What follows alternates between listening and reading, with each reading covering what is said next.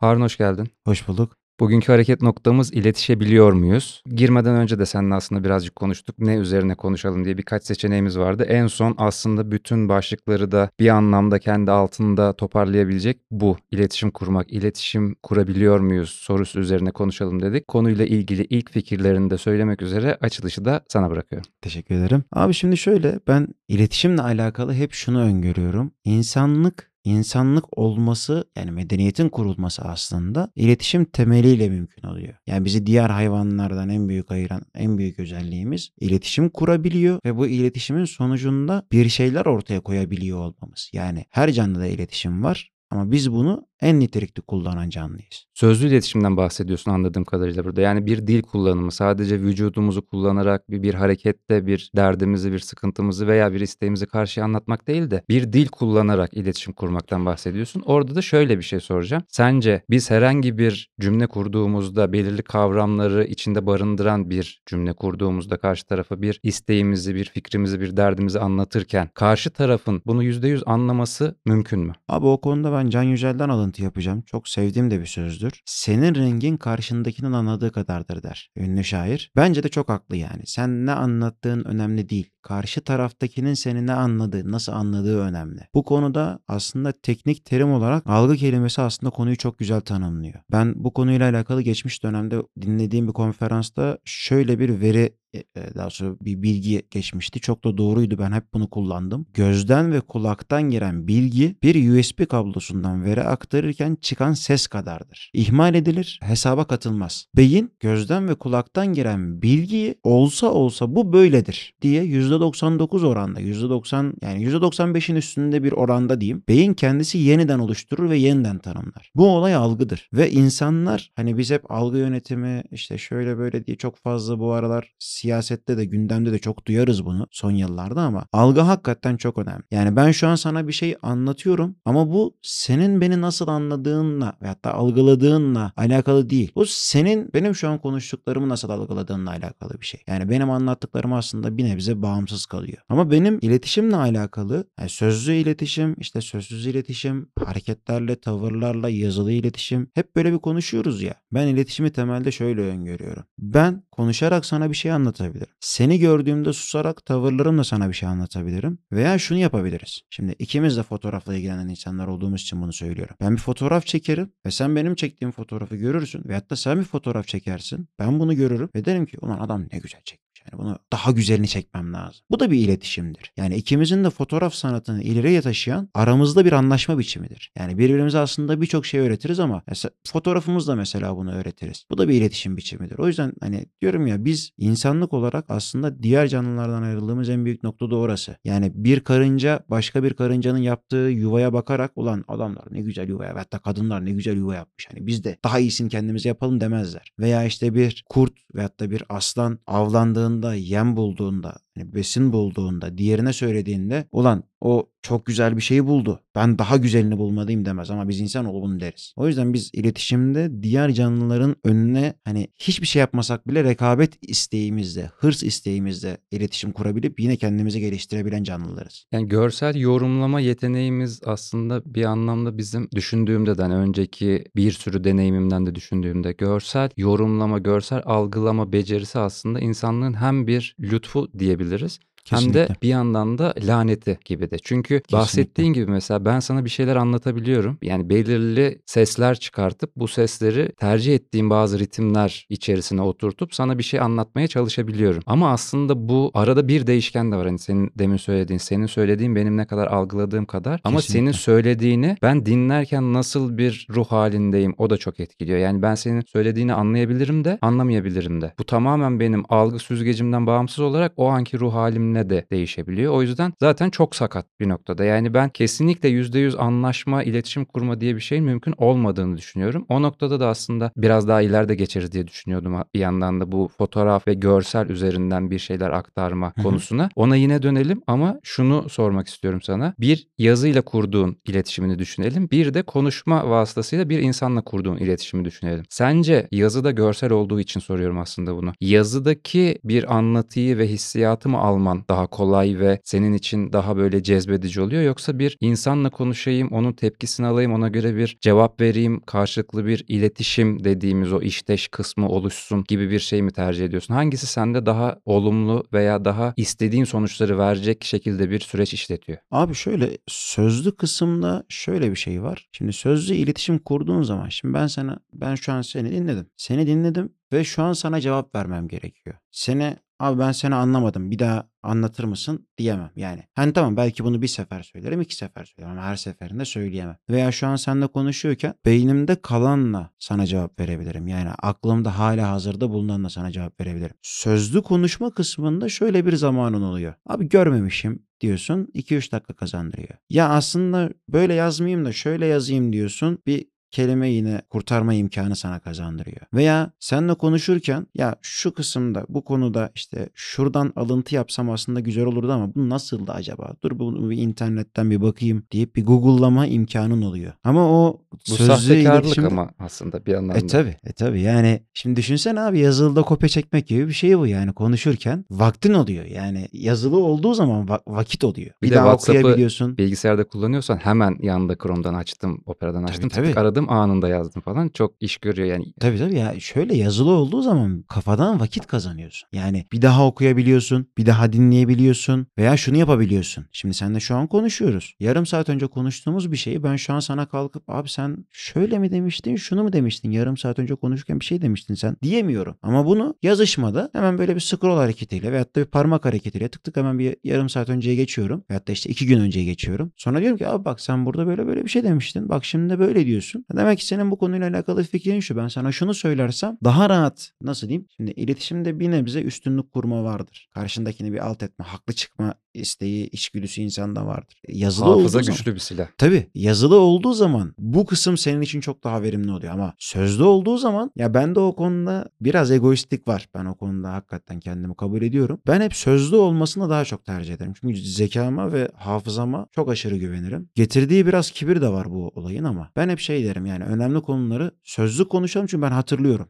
Çok net hatırlıyorum. Sen hatırlamıyorsan ben sana karşı haklıyım. Çünkü bir yerden sonra şey diyor karşı taraftaki. Ulan bunu hatırladıysa şunu da hatırlar ya. Ulan bunu hatırladı. Acaba ben daha ne dedim de hatırlıyor bu adam ben hatırlamıyorum. Diye bu sefer korku başlıyor karşı tarafta. Peki O zaman karşı tarafta da seninle aynı hatırlama gücüne sahip. hatırlama gücün dediğim tam kelimesini bulamadım onun. Yani seninle aynı özgüvene sahip hatırladığına ama kesinlikle hatırlamıyor. O durumda nasıl çözersin? Ya benim sorduğum soru aslında çok üstü örtük böyle daha etrafında dolanayım gibiydi de şimdi geldiğimiz noktada 2023 Mayıs'ındayız. İşte Evet. bir seçim geçirdik, bir seçim daha geçireceğiz falan. Bütün bu tecrübeleri yaşadık. İletişemediğimizi görüyoruz artık insanlarla. Senin fikrin ve senin kendi çevrendeki arkadaşlarınla özellikle müşterilerle aslında benim birazcık da temel aldığım nokta oydu. Kurmak istediğin iletişim hangisi oluyor? Yani bana yazılı göndersin ki beni anlamayacağını biliyorum bu insanların. Yani günde 100 kişiyle muhatap Hı hı. oluyorsam bunun yarısından çok daha fazlası beni zaten ya anlamadı ya yanlış anladı. Ben işte 100 lira dedim o 50 lira anladı. Bir sürü şey sordu oradan işine geleni anladı. Ama şöyle demiştiniz ama şöyleydi diye bir sürü şey olabiliyor. İyi niyetli veya kötü niyetli. O yüzden sen artık geldiğin noktada hayatında yazılı iletişimi seçtiğin grup bunlardan hangisi? Sözlü iletişimi seçtiğin grup bunlardan hangisi? Yani yakın çevrenle sözlü iletişim veya birazcık daha uzak 3. 4. çemberle ben yazıda tutayım ve ben hatırlarım o hatırlamasa bile en azından elimde kanıt olur gibi bir pratik yürütüyor musun mesela? Onu şurada yürüyorum. Mesela müşteriyle konuşuyorsam her zaman ikili diyaloğu daha çok tercih ederim. Çünkü şöyle yazılı olduğu zaman müşteri hani diyorum ya hep bir düşünme imkanı oluyor. Düşündüğü zaman hep bir kaçamak şeyi oluyor. Yani ya aslında şu da olur. Aslında bu da olur. Bir de yazmanın getirdiği bir süreç var. Hani az önce dedim ya mesela işte yazdığın zaman zaman kazanıyorsun yazılı olduğu zaman. Ama konuşmada öyle bir şeyin yok. Konuşma hızlı. Eğer hızlı bir sonuca erişmem gereken bir konu varsa abi konuşalım. Sözlü konuşalım ama şöyle bir şey var. Şimdi biz seninle oturduk burada sözlü konuştuk. Herhangi bir şey yap. Ben orada konuşmanın sonunda salağa yatarım. Şöyle salağa yatarım. Seninle ayrıldık. 20 dakika sonra, yarım saat sonra. Sana mesaj atarım. Abi bak biz az önce böyle böyle konuştuk. Bu konularda mutabık kaldık değil mi? Abi o zaman biz bunu bu şekilde yapıyoruz değil mi? Abi sen işte örnek veriyorum. işte şu, şu ekipmanları istemiştin benden. Bunun fiyatı şu tutmuştu. Biz seninle böyle konuşmuştuk değil mi diye bir mesaj atarım. Bir teyit isterim. Sen evet dersin. Ha tamam derim. İki hafta sonra seninle konuştuğumuz zaman abi ya ben böyle hatırlıyordum. Abi bak biz konuşurken ben sana sonrasında bak tam hatırlayamadım. Emin olmamıştım ben de. Bak ben de sana böyle bir şey sormuştum. Bak sen de okey demiştin. Biz bunu böyle konuşmuşuz. Hani bir şeyler konuştuk finalde buraya bağlandık. Bizim finalle bağlandığımız nokta buydu. Son fiyat veyahut da işte son istek, son talep buydu sen, senden bana veyahut da benden sana. Veya ben bunu mesela işte şu an çalıştığım bir ekipman satış mağazasında çalışıyorum. Şu an sıcak satışla ilgileniyorum. Bunu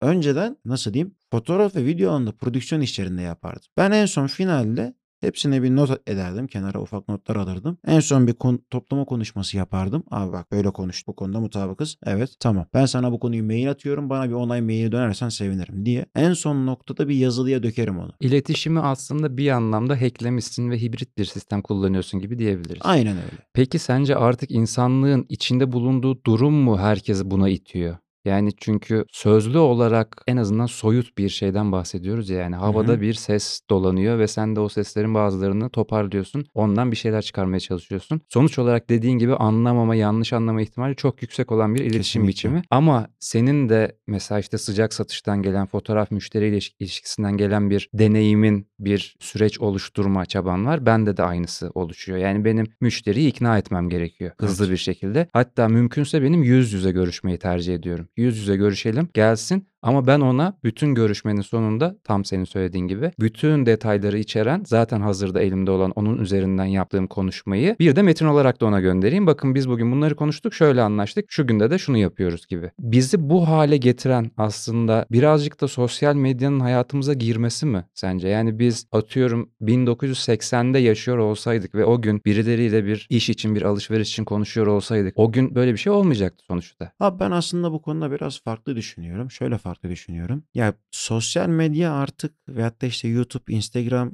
marka belirtmek gerekirse işte Facebook bunlar bizim günah keçimiz oldu abi. Yani biz birçok şeyi bunlara yüklüyoruz. Ama aslında öyle değil. Yani nasıl öyle değil? Şimdi mesela geçmiş döneme Çok güzel bir bakıyorsun. noktaya geldik. Seni şu an %110 dikkatli dinliyorum. Abi şimdi mesela geçmiş döneme bakıyorsun. Bir at yaklaşık yani yanlışım varsa bilen arkadaşlar veyahut da sen biliyorsan veriyi bilmiyorum. 30 kilometre hızla gider saatte. Yani bir atın takribi gitme hızı budur. Şimdi eski dönemde insanlar günlük 130 kilometre yol gittikleri zaman ya biz tamam bugün yani ortalama olarak söyleyeyim. Ortalama 130 kilometre yol kat etmek ciddi bir değerdi. Yani atla yolculuktan bahsediyorum. Şimdi geçmiş dönemde böyle bir hız limiti var. Günlük 130 kilometre. Biz bugün arabanın getirdiği, uçağın getirdiği, hızlı trenlerin getirdiği, biz kilometreleri 100 kilometreleri, 150-200 kilometreleri saatler içinde gidebiliyoruz. Yani buradan İstanbul diyoruz. Ve sıfır enerji harcayarak. Aynen öyle. Yani buradan İstanbul diyoruz. Buradan İstanbul baktığın zaman 700 kilometre takribi. Hani il sınırından il sınırına 550 kilometre ama merkezden merkeze baktığın zaman işlevsel olarak 700-750 kilometre yol gidiyorsun. Ben bugün o mesafeyi 750 kilometre ya da 700 kilometre diyeyim atla gitmeye kalksam ben 4-5 günde gitmem gerekiyor. Ama ben bugün uçakla gidiyorum. Benim 35-45 dakika aralığı takribi yani 45 dakika diyeyim kalktı indiğiyle beraber uçak mesafem var. Benim buradan havalimanına gitmem. İstanbul'da bir havalimanından merkeze gitmem. Ben takribi 2-2,5 saatte 750 kilometre gidebiliyorum. Ve ben bunu saf uçak yolculuğu olarak nitelendirirsem ben buradan Hamburg'a 3 saatte gidiyorum. Şimdi bu zaten benim hayatımı hızlandırıyor. Eskiden ateşin üstünde 1 saatte pişen suyu biz şu an kettle'da 5 dakikadan kısa sürede kaynatıyoruz. Veya işte eskiden yarım saatte 40 dakikada bundan 20 sene önce kızartılan bir patates kızartmasını biz şu an işte air fryer'lar falan var böyle. 24 Fritözler dakika. falan 24 dakikada yapabiliyoruz. Yani şimdi biz bunları bu kadar kısa süreye indirirken e, sosyal medyada bize bu konuyu sağlıyor. E, diğer taraftan kapitalist düzenin getirdiği bir sürekli bir veri bombardımanı kısmı da var. Yani sen bugün bir otobüse biniyorsun. Otobüste seni raket karşılıyor. Yani reklam panosu dediğimiz raket derdik biz onlara. Veya işte bir durakta oturuyorsun. Durağın önünde ayrı raket, arkasında ayrı raket. Hani raket o işte billboardların küçüklerine raket deniyor. Hı hı. Veya billboardlar yani her kilometre başına neredeyse bir billboard serisine denk geliyoruz. Kapitalist düzenle beraber. E şimdi reklamcılıkta bir kural vardır. Billboard 6 kelimeden oluşur. Bir billboard, sağlıklı bir billboard. Yani daha fazlası oluyor, daha azı oluyor. Ama 6 saniyelik bir yani 6 kelimelik bir billboarddan bahsediyorsak veya işte bir 6 kelimelik veyahut da 7 kelimelik bir raketten bahsediyorsak bizim zaten bir kafa hareketimiz. Otobüste gidiyorken hiçbir şey yapmıyorken yani otobüse sadece yolu izleyerek gittiğini düşün. Bizim uğradığımız veri trafiğini kontrol edemiyoruz biz. Bu bize aşırı bir hız getiriyor. Bu bize aşırı bir hız getiriyorken biz şu an olayı sadece ya Instagram'da işte bize 15 saniyelik veri dayatıyor. Abi Instagram bize 15 saniyelik veri dayatmıyor. Biz zaten veriyi 15 saniyeye indirdiğimiz için Instagram buna uyum sağlıyor. Ya Instagram aslında bize veri pazarlamaya çalışan, bize uyum sağlamaya çalışan bir pazar yeri. Yani suçlu Instagram değil. Suçlu arabalar, suçlu uçak, suçlu hızlı tren, suçlu işte airfryer veyahut da suçlu o her kilometre başına gördüğümüz billboard serileri. Yani bunların hepsi çok fazla veri girişi yaptığı için biz günah keçisi sosyal medyayı seçiyoruz bu konuda. Yani hayat hızlandı ama aslında biz hızlanamadık. Dolayısıyla Biz- da bunun ceremesini çekiyoruz Tabii. şimdi gibi bir Tabii, sonuca tabii, varıyoruz yani- aslında. Ee, buradaki benim aslında bahsetmeye çalıştığım tam dediğin gibi. Yani finalde baktığın zaman bu kadar çok veri girişi varken şu an seninle ne konuştum? Öğlenleyin gelen müşteriyle ne konuştum? Veyahut da biraz sonra eve gideceğim kardeşimle annemle ne konuşacağım? Yani onları düşünmeye tasavvur etmeye vaktimiz kalmıyor. E şimdi böyle olunca da her şey birbirine giriyor. Yani seninle konuştuğumu müşteriyle konuştuğumla karıştırabiliyorum. O müşteriyle konuştuğumu diğer müşteriyle konuştuğumla karıştırabiliyorum. Keşke karıştırıp müşteriye teslim edeceğim bazı kutuları bana teslim etseydin gibi bir şey geliyor benim de içimden şu an. Ya işte o konuda da faturalara bakıyoruz, kağıtlara bakıyoruz, yazılara bakıyoruz. Yani o yüzden hep şeydir yani ben hep yazıya güvenirim. Çünkü eskiden olsaydı evet ya bir insan bir günde kaç kişiyle muhatap olabilir ki? Eski sistemde baktığın zaman. Ama ben bugün telefonla yani telefonu da işin içine katarak yarım saat içinde belki 20 kişiyle muhatap oluyorum. E şimdi bu 20 kişiyle muhatap oluyorsun da abi. Hani o 20 kişi de bir başka 20 kişiyle muhatap oluyor. Hani bu benim telefon trafiğim çok sıkı diye değil. Şimdi bu kadar sıkı trafiğin içinde abi kim nereden geldi, kim nereye gitti yakalamak çok zor. Yani günün olağan akışı böyle aslında bir yandan da. O 20, oradaki 20. Bu de- bir de bu 20'lerin yüzde kaçını alıyor insanlar. Ne kadarını algılayıp bir de şunu da bilemiyoruz. Hangi 20'nin neresini aldı başka kiminkiyle bağladı. O yüzden Tabii. acaba refleks olarak insanlar artık yavaşlamak istediklerini mi hissederek yazıya dönme tercihinde bulunuyorlar? Çünkü yazarak yarım saatte sürdürdüğün bir muhabbeti aslında telefonda konuşarak belki 3 dakikada falan çözebiliyorsun. Belki o kadara Kesinlikle. bile kalmıyor. Hele ki işte bir de sevdiğin biriyle bir arkadaşınla, sevgilinle vesaireyle kavga ediyorsan bu çok daha yoğun bir şekilde çok daha kısa zamanda geçebiliyor. Ama yazıya bıraktığında uzun mesajlar yazdım, düşündüm, sildim, imla, Tabii. işte doğru kelime mi, burada böyle bir şey mi söylesem ama bunu yanlış anlar vesaire gibi bir sürü değişken girdiği için olayı yavaşlatıyor. Hatta belki senin sinirini de geçiriyor bir noktada. Aynen öyle. Böyle bir etkisi de var. O zaman bu taraftan da baktığımızda acaba biz sözlü iletişimimizi ortadan kaldırıp tamamen yazılı bir iletişime geçsek, hayatın bu bahsettiğin hızlanmasına karşı kendimizi korumuş ve birazcık daha algılarımızı gündelik hayat akışımıza adapte edebilir duruma gelir olur muyuz? Abi o konuda ben yazılıya tamamen geçersek eğer ben ciddi afallayacağımızı zannediyorum. Burada şunu yapmak gerekiyor. Sürecin hızlandığını kabul edip sürece adapte olmaya gerekiyor. Adapte olmak gerekiyor. Yani burada konu şu aslında. Hastalıktan örnek vereceğim ama bence çok doğru bir örnek olacak konuyla alakalı. Yanlışım varsa da düzelt. Şimdi bizim panik atak dediğimiz hastalık aslında nabzın çok hızlanması, reflekslerin çok hızlanması ve çok hızlı algılayabiliyor hale gelmemiz. Yani ufak bir hareketi bile çok hızlı algılıyorsun. Çok hızlı görüyorsun. Çevrende olan değişkenleri çok hızlı algılıyor olmak seni paniğe sokuyor. Yani panik atan kendisi panik değil. Çevrendeki değişkenleri çok hızlı algılayabiliyor olmak seni paniğe sürüklüyor. O yüzden burada şey var. Hani yazıya döndüğümüz zaman evet o panik hali ortadan kalkıyor. O telaş ortadan kalkıyor. Daha sakinliyoruz. Daha durağanlaşıyoruz. Daha verimli iletişim kurabiliyoruz. Ama şu da var. Bir yerde de bizim o hızlı refleksi almamız lazım. Yani o hızlı veriyi almamız lazım. Çünkü çok fazla iş yapmamız bekleniyor bugün bizde. Yani ben özellikle bunu Ramazan aylarında çok düşünürüm. Hani ya abi şimdi biz de oruç tutuyoruz. O zamandaki insanlar da oruç tutuyordu. Ama şey diyorum sonra içimden. Hani onlar insan değil miydi? Ya abi insandı da yani benim bugün bir günde yaptığım o adamı 3 günde yapıyor ya. Yani şimdi benim hayatım hızlandı artık. Hani ben bundan 200 sene önceki hayat yaşamıyorum. Benim atalarım 3 günde yaptığı işi ben bugün bir günde yapıyorum. Ha bu ben derken yani ben mükemmelim diye değil. Hepimiz böyleyiz.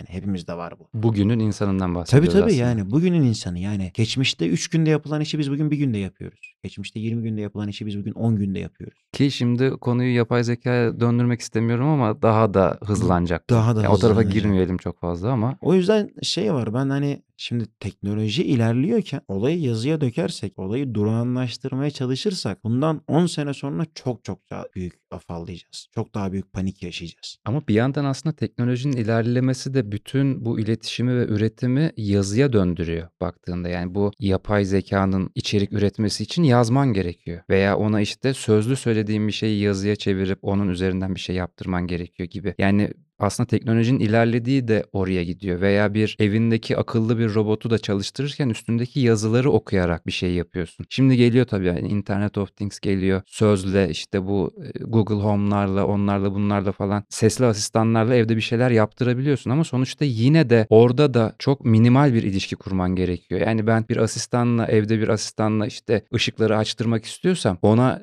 paragraflarca konuşmuyorum. İki kelime söylüyorum ve onun yapmasını istiyorum. Veya bir yerlere yazıyorum. Bir uygulamaya girip oradan bir şeylere basıp. Sonuçta bir yavaşlık getiriyor aslında. Bir yandan baktığımızda çok kolaylaştırıyor hayatımızı ve belirli süreçlerden bizi feragat ederek aslında hayatımızı biraz bir anlamda hızlandırıyor. Ama bir taraftan da aslında yavaşlatıyor da bizi. Yani biz eve girdiğimizde artık düğmeye basma refleksini göstermiyoruz da eve giriyoruz. Bir süre baktıktan sonra işte duruyoruz, ayakkabımızı çıkarıyoruz. Salona gidip bir asistanla konuşup ışıkları açıyoruz gibi bir şeye gidiyor. Baktığında aslında teknoloji ilerliyor, hayat hızlanıyor ama bir yandan da yavaşladığı için hızlanıyor gibi bir paradoksal bir durum da var orada. Yani Ama gidişatta aslında- aslında birazcık daha böyle sakinleşmemiz gerekiyormuş gibi. Yani bu teknolojiyi de doğru şekilde kullanabilmek için daha yavaşlayıp daha sakinlememiz gerekiyormuş gibi bir his de var bir yandan içimde. Abi şöyle ben ya hep böyle aynı şeyi söylemek biraz garip geliyor bana ama ben bu konuda yine seninle farklı düşünüyorum. Şöyle farklı düşünüyorum. Şimdi hani az önce dedim ya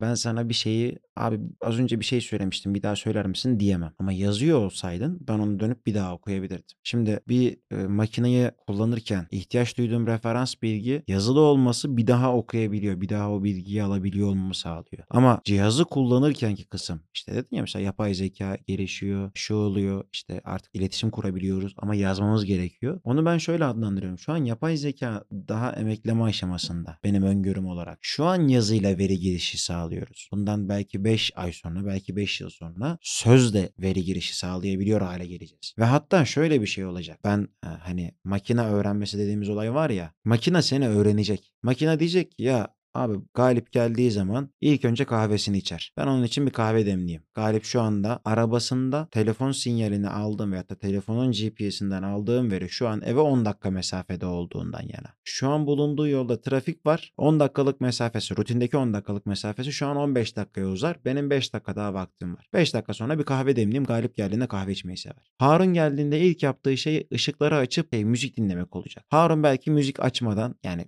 ışık açmadan müzik açmak isteyecek. Harun geldiğinde ben müzik açayım. Harun sabah uyandığında örnek veriyorum rock müzik dinliyor ama akşam eve geldiğinde yorgun oluyor. Biraz daha klasik müzik seviyor. Harun'a akşam klasik müzik açayım ama sabahleyin uyandırırken de rock müzik açayım mesela. Makine beni öğrenecek. Kıyamam o makineye ben. Şimdi böyle olduğu zaman makineyle artık hani sözlü iletişimi veyahut da yazılı iletişimi geçtik. Hani artık makine bize veri girişine ihtiyaç duymayacak. E şimdi hani diyorum ya 200 sene önce veyahut da 2000 sene önce insanların yaşadığı hayatla şimdi bizim yaşadığımız hayat çok hızlandı. Bundan 20 sene sonra çünkü teknoloji doğrusal değil. Hani dün 2 olan bugün 3 olmuyor. Dün 2 olan bugün 4 oluyor. Bugün 4 olan yarın 16 oluyor. 8 de olmuyor. O yüzden ben hep şey olarak öngörüyorum bunu. 2000 yılda bu kadar hızlandık ve hani daha genel söyleyeyim. Hani 70 bin yıllık insan tarihinden bahsedeyim. Neandertallerden bu yana. Biz 70 bin yılda bugünkü hıza geldik. Ama zannediyorum 70 yılda bugünkü hızımızın da iki katına çıkacağız. Yani 70 bin yılda elde ettiğimiz hızın çok çok daha fazlasına 70 yılda çıkacağız biz. O yüzden ben hep şeyi söylüyorum. Abi ayak uydurmak lazım. Bir yerde de bir hani ya yetişebiliyor muyum? Ne oluyor? Ne bitiyor? Oradan bir şey geliyor, buradan bir şey gidiyor değil de. Hani biraz daha olayı akışına bırakmak lazım. Yani o hıza ayak uyduracaksın ama hızı kontrol etmeye çalışmayacaksın. Bu işte seninle konuştuğumuz az önceki şeye dönüyor. Abi bütün iyi müzikleri dinlemem gerekiyor. Kontrol mekanizmasından artık çıkmamız gerekiyor. Çünkü bütün iyi müzikleri dinleyemiyorsun, yetişemiyorsun. Veya işte hani o bütün güzel filmleri izlemeliyim. Abi tamam izleyelim de yani ben ömrümün sonuna kadar izlesem şu son bir ayda çıkan güzel filmleri yakalayamam, bitiremem yani. Çünkü yani 8 milyar insanız herkes veri üretiyor. Yani YouTube'a bir saatte üretilen veri, girilen veri son bir saatte mesela şu an biz burada konuşuyorken son bir saatte YouTube'a upload edilen veriyi biz incelediğimizde hani izleyelim hepsini izleyelim bir eleyelim içinden dediğimiz zaman ömrümüz bitiyor. Yani süreç olarak. Şimdi en iyi filmlerin hepsini izleyemeyeceğiz. En iyi kitapların hepsini okuyamayacağız. En iyi müziklerin hepsini dinleyemeyeceğiz. En iyi tiyatroların hepsine hakim olamayacağız. Yani artık insanlık olarak şeyi öngörmemiz lazım. Abi kontrol edemiyoruz. Yapılan gelişmeyi kontrol edemiyoruz. Ki biz yine bir yandan da baktığında aslında bu en iyi filmlerin hepsini neredeyse izlemiş sinefil bir nesle son temas eden nesil gibiyiz. Kesinlikle. Yani 2023 doğumlu bir arkadaşımızın sinefil olması için izlemesi Çok uzun beklenen film sayısı çok fazla. Çok çok Kesinlikle fazla. öyle. Yani dolayısıyla artık galiba orada öyle uzmanlıklar da kalmayacak. Belki de daha farklı bir yöne evrilecek. Yani sinema tarihini biliyorum diyebilmek için artık çok daha fazla zaman ihtiyacı var. Öyle bir zamanda insan bedeninde mevcut değil maalesef. Kesinlikle ben kimya mezunu olan bir insan olarak biz hep şey derdik işte mesela organik kimya dersi bizde hep sıkıntılı bir derstir. Biz hep şey derdik. Şimdi orada deney teoremleri var. İşte bir şey yapıyorsun işte aldehit sentezi falan mesela sentez yöntemleri var. Biz hep şey derdik. Ya hoca mezun olduğunda, hoca olduğunda vardı 5 tane sentez yöntemi. Şimdi var 500 tane sentez yöntemi. Şimdi o da hoca olurken aynı yönteme tabi tutuldu. Ben de mezun olurken aynı yönteme tabi tutuluyorum ama o adam 5 tane sentez yöntemiyle işi kurtardı. Ben 500 tanesiyle debeleniyorum. Ve bana anlayış göstermiyor. Ve diyor ki ya biz öğrenciyken böyle. Ya abi siz öğrenciyken öyleydi de yani değişti yani gelişti artık. Siz hepsini kontrol edebiliyordunuz. Biz edemiyoruz. Bu şeyde de aynı. Yani dediğin gibi bir sinema konusunda bir yetkinlik, bir uzmanlık sahibi olmak gerektiği zaman veyahut da bir müzik konusunda. Yani en basitinden bir rock müzik konusunda. Hani genel müzik de değil. Bir rock müzik yani metal değil, hip hop değil, R&B değil. Bir parça sadece. Hepsi değil yani bir parça. Sahip olmaya, uzmanlık edinmeye çalıştığın zaman ciddi mesai harcaman gerekiyor. Bizim zamanımızda rap müzik zaten kaç tane rapçi vardı ki benim çocukluğumda, gençliğimde. Hani toplasan 10 tane sanatçı vardı ben onları dinliyordum yetiyordu. Bugün 10 tane sanatçı, günde şarkı çıkartan 10 sanatçı var. Şimdi e, bu 10 sanatçının yarısının başarılı müzik çıkarttığını düşün. Günde 5 müzik çıkıyor. Ama bu Yani- 5 tane iyi tırnak içinde söylüyoruz. Yani herkesin kendi iyisi kendine ama sonuçta senin ilgini çekebilecek 5 taneyi aradan bulmak için de geri kalan 5 taneyi de dinlemek zorunda Tabii, kalıyorsun. tabii. Dolayısıyla yine zaman yok. Aynen yani öyle. 10 taneyi dinleyecek zamanın varsa evet 5 tane iyi yakalıyorsun ama diğer 5'i için de zamanını boşa harcamış oluyorsun bir yandan. Aynen öyle. Ya şöyle ben bu konuyu şöyle değerlendiriyorum abi. Dedemin zamanında bir uzmanlık vardı. Dedem babasından öğrenirdi. Babası babasından öğrenirdi. Bir kuşaktan gelme yani. Ya Usta bizim- çırak. Tabii usta çırak ilişkisi vardı. Şimdi benim zamanımda işte şimdi adam babasından öğreniyor. Kendi ustalığını eline alıyor. Ustalık yetkinliğini sağlıyor. Oğlunu veyahut da kızını yetiştiriyor. Ona ustalık aktarıyor. Yani onu usta yapıyor. Ve diyorsun ki yani tamam evet bu kuşaktan kuşağa aktarıldı. Bir bilgi aktarıldı. Şimdi geldiğimiz noktada artık çocuğu eğitme kısmı kalmadı. Veyahut da işte çırağı eğitme kısmı kalmadı artık. Şu anda şey var yani biz kontrol etmiyoruz. Biz sadece olan süreci kendi işimize uygun bir şekilde yönetmeye çalışıyoruz. O yüzden hani artık nesiller boyu bir mesleği yapmak gereği yok. Yani bugün bir mesleği yapmak istediğin zaman çok hızlı yapabiliyorsun. Biriyle iletişim kurmak istediğin zaman çok hızlı iletişim kurabiliyorsun. Yani örnek veriyorum şu an benle iletişim kurmak isteyen veyahut da seninle iletişim kurmak isteyen senin benim yanımda olma zorunluluğu yok veyahut da bizimle yazışma zorunluluğu yok. Senin benim çektiğimiz fotoğrafı inceleyerek bizle iletişim kurabiliyor. Seninle benim çektiğimiz videoları bakarak bizimle iletişim kurabiliyor. Veya şu an yaptığımız podcast'i dinleyerek bizimle iletişim kurabiliyor. Hani tamam bize feedback vermiyor. Veyahut da verdiği feedback bize direkt gelmiyor. Yani bugün benim anlattığımdan, bugün senin anlattığından bir şey anlıyor. 5 sene sonra bu anladığını veyahut da 5 ay sonra bu anladığını bir yerde kullanıyor. Daha iyi bir sonuç çıkıyor ortaya. Aslında bizim alamadığımız feedback orası oluyor. Ama yani iletişim kurmak için artık eski sistem de kalmadı. Yani sözlü iletişim kurma zorunluluğu veyahut da yazılı iletişim kurma zorunluluğu da kalmadı. Yani ben bugün bir sanatçıyı kendime idol alıyorsam veyahut da bir ustayı kendime idol alıyorsam Twitter paylaşımlarından bakış açısını yakalayabiliyorum. Çektiği fotoğraflardan veyahut da çektiği videolardan bakış açısını yakalayabiliyorum. Yani bu adam böyle yapıyor diyebiliyorum. Ama önceden bunu diyebilmek için bu adamla ben en az bir 3-4 yıl beraber yaşayıp yani beraber yaşayıp derken şöyle yanında çalışıp en azından yaptığı iş çeşitlerinden ya bu adam böyle yapar. Bu adam burada böyle bir tepki verir diyebiliyordum. Ama şimdi 3 yılı bırak 3 saatte geçmişte yaptığı bütün işleri şöyle bir tarayarak ya abi işte Galip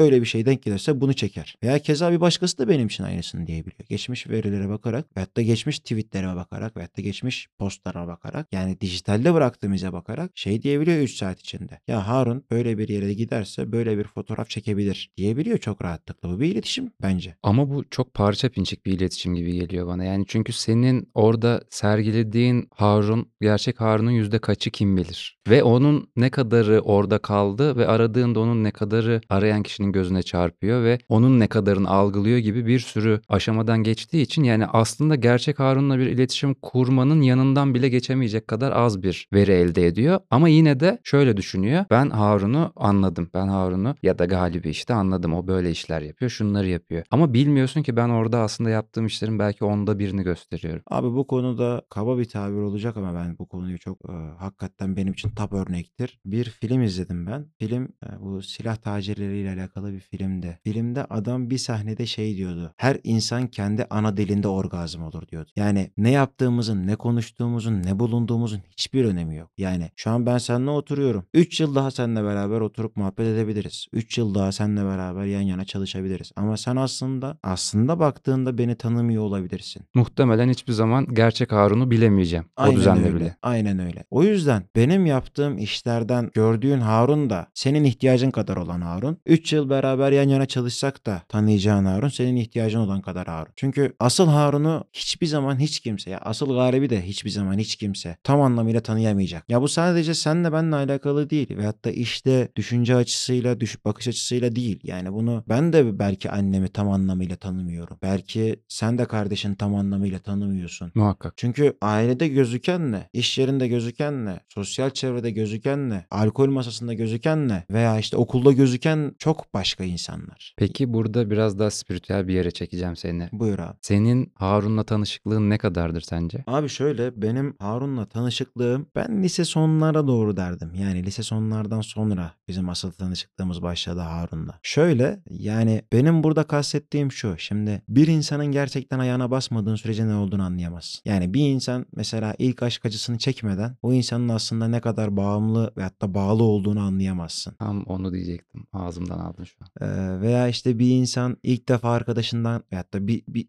arkadaşından kazık yemeden bir sefer veyahut da ilk sefer fark etmez. Veyahut da her seferinde. Arkadaşından kazık yemeden ne kadar düşüncesiz ve katlar olabileceğini anlayamazsın. O yüzden liseye kadar çocuktuk. Her şey güzeldi yani. Yani tamam hani seviyorsun böyle bir hani komşu kızı klasiği bizim kültürümüzde vardır ama abi o Bırak şimdi kültüre kültüre atma bunu. Komşu kızına aşık olmuşsun Harun. Bunu Abi, anladık. Bir şey diyeyim mi? Aslında çok absürttür. Benim hiç komşu kızım olmadı. Yani İnandık mı? eee, Yo cidden yani ben hatta şey de derdim. Olsaydı Eee, affetmezdim mi diyorsun peki bu? İsterdim. isterdim. Yani bir komşu kızımız olsun isterdim. Çünkü şöyle ya bu bir kültür. Hakikaten bizim kültürümüzde yeri olan bir şey. Ve ben bir dönem Bu arada şey- arkadaşlar kusura bakmayın biz iki heteroseksüel erkek olarak konuşuyoruz ve o yüzden komşu kızı diyoruz. Evet, İsteyen ya komşu, komşu erkeği de diyebilir, oğlu da komşu olabilir. çocuğu da diyebilir. Tabii tabii yani Herkesin kendi tercihine göre. Aynen öyle. Yani ben mesela bir gün kardeşime şey dediğimi hatırlıyorum. Ya abi komşu kızına aşık olmadan evlenirsem çok üzülürüm ya. Yani çünkü o şeydir böyle bir yaşanmışlık bir şeydir. Sen emlakçılara gidip ev ararken şey mi diyorsun? Komşu kızı varsa tutacağım bu Abi evi. hiç denk gelmedi ya. Yani bak çocukken komşumuzun kızı vardı. Ben çocukken ama şöyle çocukken yani ben ilkokuldayım daha matematik toplamayı daha yeni yeni görüyorum. Komşu kızı İngilizce öğretmeni mezun oldu. Yani arada dağlar kadar fark var. Veya işte hani bazen şey oluyor. Reşit olsan belki denermişsin de yine. Hat- Yaş denk gelseydi denerdim de şey olmadı ama yani hiç denk gelmedim ben yaş olarak. Hani ablam gibiydi ya o hani bir nevi teyze desem teyzedir yani çünkü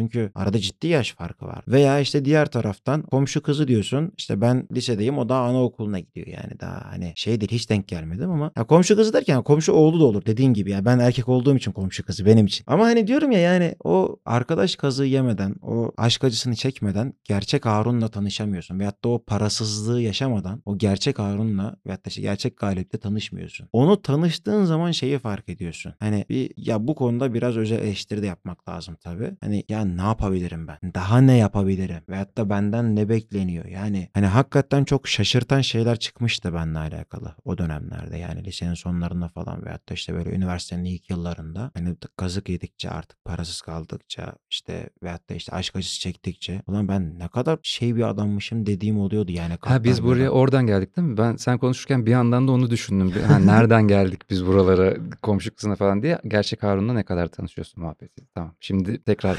birlikteyiz. Ee, şöyle hani ama ben hep şey ya bir yerde şeyi fark ettim. Abi aslan ormanın en güçlüsü değil. En büyüğü değil. En hızlısı değil. Ama en vizyonlusu. Yani bugün aslanla alakalı şunu diyebiliyorsun. Galatasaraylısın galiba. Yok Galatasaray ben Beşiktaşlıyım aslında. Tüh. Ama şöyle yani doğaya acayip bir saygım var. Hani şey diyebiliyorum mesela. Abi aslan ormanlar kralı lakabını vizyonundan dolayı alıyor. Çünkü hiçbir aslan yavrusunu kucağında taşımıyor. Bak bu konuda diğer hayvanlardan ayrılır. Hiçbir aslan açlıktan öleceği o son noktaya gelene kadar avlanmaya çıkmıyor. Ve o son noktaya geldiği zaman aslan şunu diyebiliyor. Ya öleceğim ya avlanıp doyacağım. E zaten avlanamazsa avından yana bir ciddi zarar görürse zaten ölecek. E avlanamazsa da zaten ölecek. O yüzden ya ben buna gücüm yeter mi diye düşünmüyor. Ben ya hayatta kalacağım ya öleceğim gözüyle bakıyor. O yüzden kendisinden daha güçlü avları bile avlayabiliyor. O yüzden biz ona bugün ormanlar kralı diyebiliyoruz. Veya o aynı eti yediği varlığa aileden gözüyle bakıyor ve onu her zaman korumaya çalışıyor. Yani müthiş bir vizyonu var aslında aslanın. Diğer hayvanlara mesela çakala göre. Veyahut da hiçbir zaman leş yemiyor aslan. Aslan her zaman kendi avladığını yiyor. Başkasının avladığını da yemiyor. Savanada. O yüzden vizyonlu olduğu için aslan en güçlü olmamasına rağmen, en hızlısı olmamasına rağmen veya işte en büyüğü olmamasına rağmen ormanlar kralı diye biz aslana diyoruz. Ben bunu şurada fark ettim. Üniversitenin ilk yılları değildi de ikinci üniversitemin ilk yıllarıydı. Ben bir şeyi fark ettim. Abi vizyon sahibi olursan en büyük olabiliyorsun. Veyahut da en başarılı olabiliyorsun.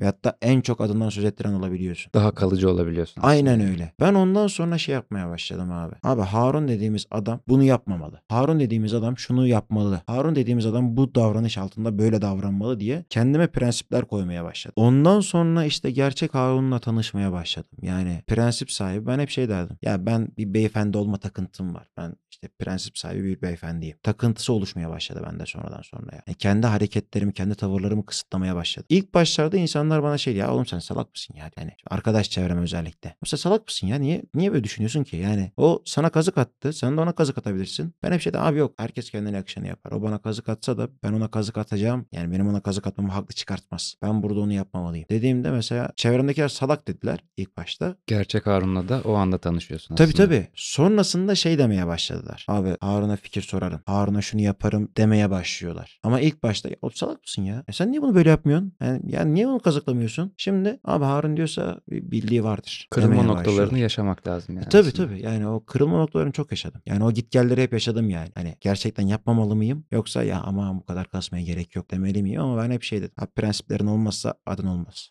Hareket noktası bu bölümünde de formatına yakışır bir şekilde iletişebiliyor muyuz sorusundan başladı ve avcılıkla Aynen öyle. muhabbetini bitirdi. Harun teşekkürler güzel muhabbetti. Ben teşekkür ederim abi. Keyifli muhabbetti.